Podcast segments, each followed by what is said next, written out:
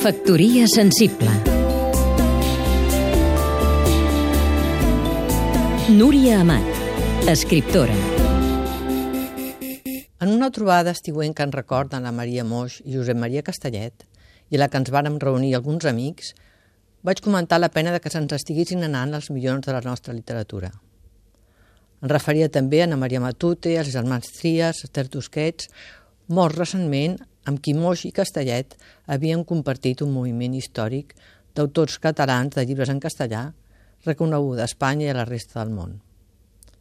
Recordo amb emoció el descobriment dels llibres d'Anna Maria, la seva veu pròpia i la saviesa literària amb la qual donava alè a tots els escriptors que se li apropaven.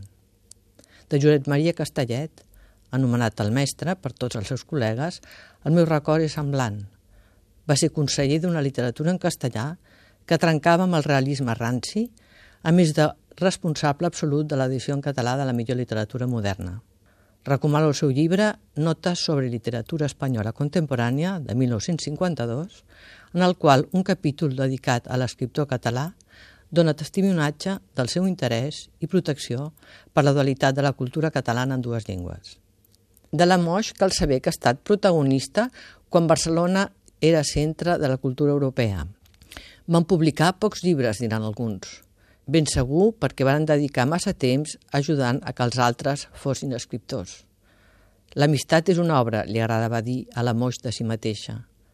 El cert és que la desaparició dels dos amics ens deixa cada dia més orfes.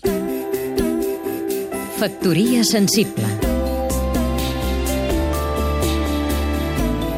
Seguim-nos també a catradio.cat